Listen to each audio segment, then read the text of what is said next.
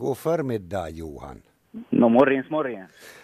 Du är så välkommen med i sändningen. Uh, ni härifrån Ekenäs var då alltså uh, under, deltog i Hangregattan under veckoslutet med en båt som hade fina namnet Natalia. Jag har någon gång funderat på de här båtnamnen. Varifrån kommer de? Vem är det som har namngivit er båt? No, jag tror att storyn från det namnet så kommer nog från den tidigare ägaren som vi har och uh, båten som vi har och uh, det brukar vara så att man byter inte namn på båtar. Det där är liksom en tudelad åsikt. Men, men det, har nu blivit, det gamla namnet har blivit kvar på båten från förra ägaren. Jag har någon gång hört att det kan betyda otur om man går och byter namn på båten. Det är riktigt, ja. ja. Men hade ni otur nu under regattan eller gick det bra? Hur klarar ni er i H-båtsklassen? Nå, det är nog en tudelad grej igen det här att vi, vi hade helt bra fart och, och, och bra höjd som på seglingsspråk som man säger. Men eh, tyvärr så var vägvalen och andra motgångar som var och figurerade i det här så att vi inte steg längre än vad vi hoppades på på, på listan. Men, äh. men seglingsmässigt sett så var det helt okej. Okay, ja. det, det är om, vägvalen som avgjorde. Om jag läste de där resultatlistorna rätt så kom ni i, totalt på en nionde plats, stämmer det? Det är sant, ja. Mm, jag tycker det låter som en bra plats. Visserligen, ja. ja. Eh, vem... Det, det, var ju ett, det här var ju en, en rankingtävling, en finsk rankingtävling, så att det var ju de finska topparna som var där. Mm -hmm.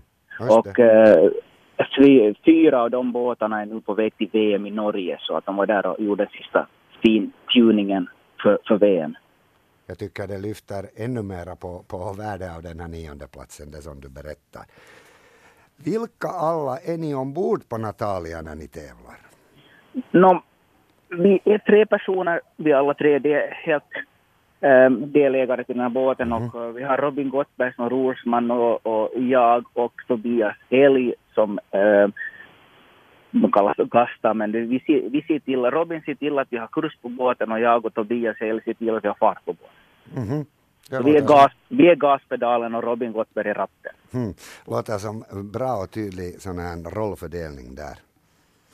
Eh, du pratade om bra höjd, att ni hade bra höjd där när ni seglade. Vad, vad i fridens namn betyder det?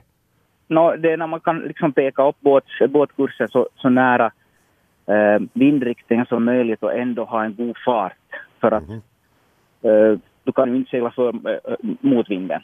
Mm. Utan att man har en så liten vinkel som möjligt eh, mot, gentemot vindriktningen och ändå ha en god fart på, på, på båten så det är ju det som är liksom hemligheten, att få det trimmat så att det ska gå hårt och högt. Mm. Det blåste väl en hel del där ute under veckoslutet? Ja, på lördagen var det mycket eh, uh, chansiga vindar på, sätt, på det sättet att den vred av och an på vårt banområde. Det är ju det att på Hangregatan så är det väl fyra stycken banområden plus nu den här lys, lysklassen som, som går ut till havs mera.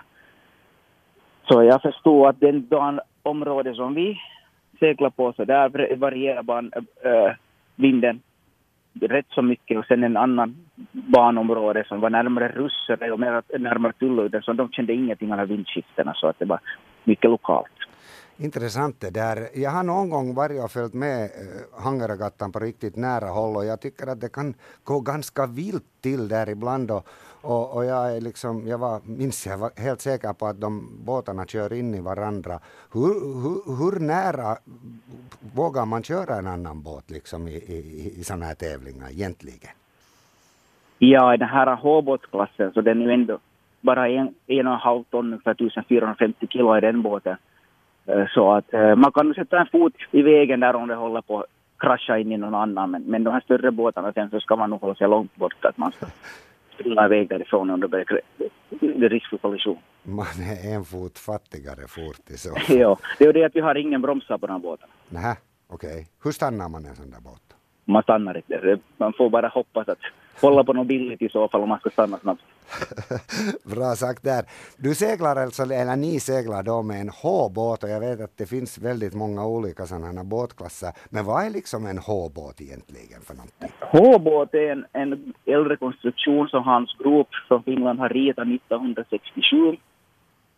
Uh, eh, sen så var Paul Elvström, den danska gamla OS-seglaren, och gjorde en liten prägel i det så att uh, han eh, ändrade lite om undervattensskrovet med roder, djup och sånt som gjorde att den fick en sån seglingsprestanda som den har. Uh, den är 8,25, 8 meter 25 cent lång. Mm.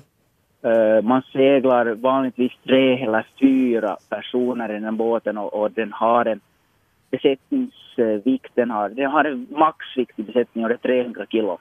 Och det här är ju förstås till kappsättningssammanhang som det, då räknas så att man i stora tävlingar som FM och VM och sådana, så då måste man fastställa sig på vågen för att säga att man är för tung.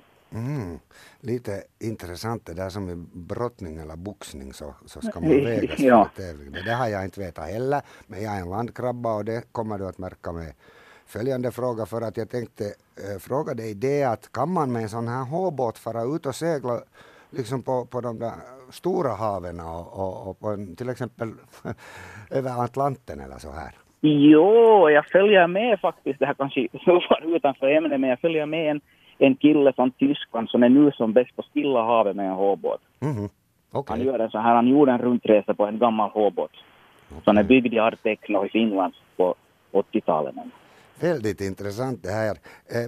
Ännu om den här håbåten och så, så, så om man nu tänker sig en, en eh, till exempel en hajbåt eller en laserbåt, så vad är de där största skillnaderna mellan de här båtarna?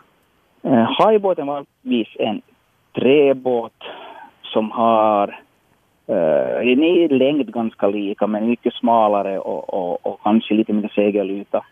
Mm. Lasern är så det är en jolle, sån enmansjolle som uh, ja, hur ska jag säga, det går inte riktigt att jämföra. Att, H-båten är en, en, en båt med ruff och fyra vuxna kan sova i den.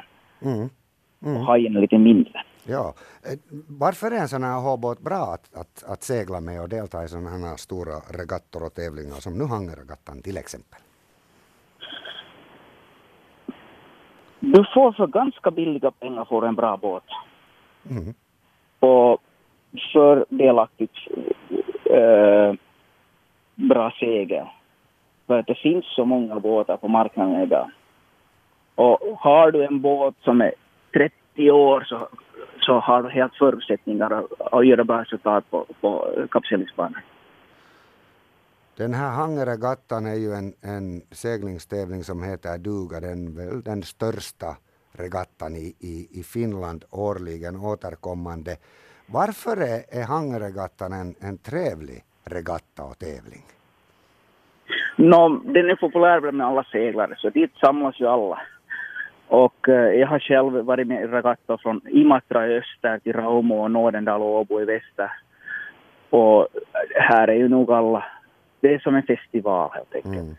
Ja, det, det, någon säger om Hangö är Finlands Monaco och det, i det här fallet så är det nog så.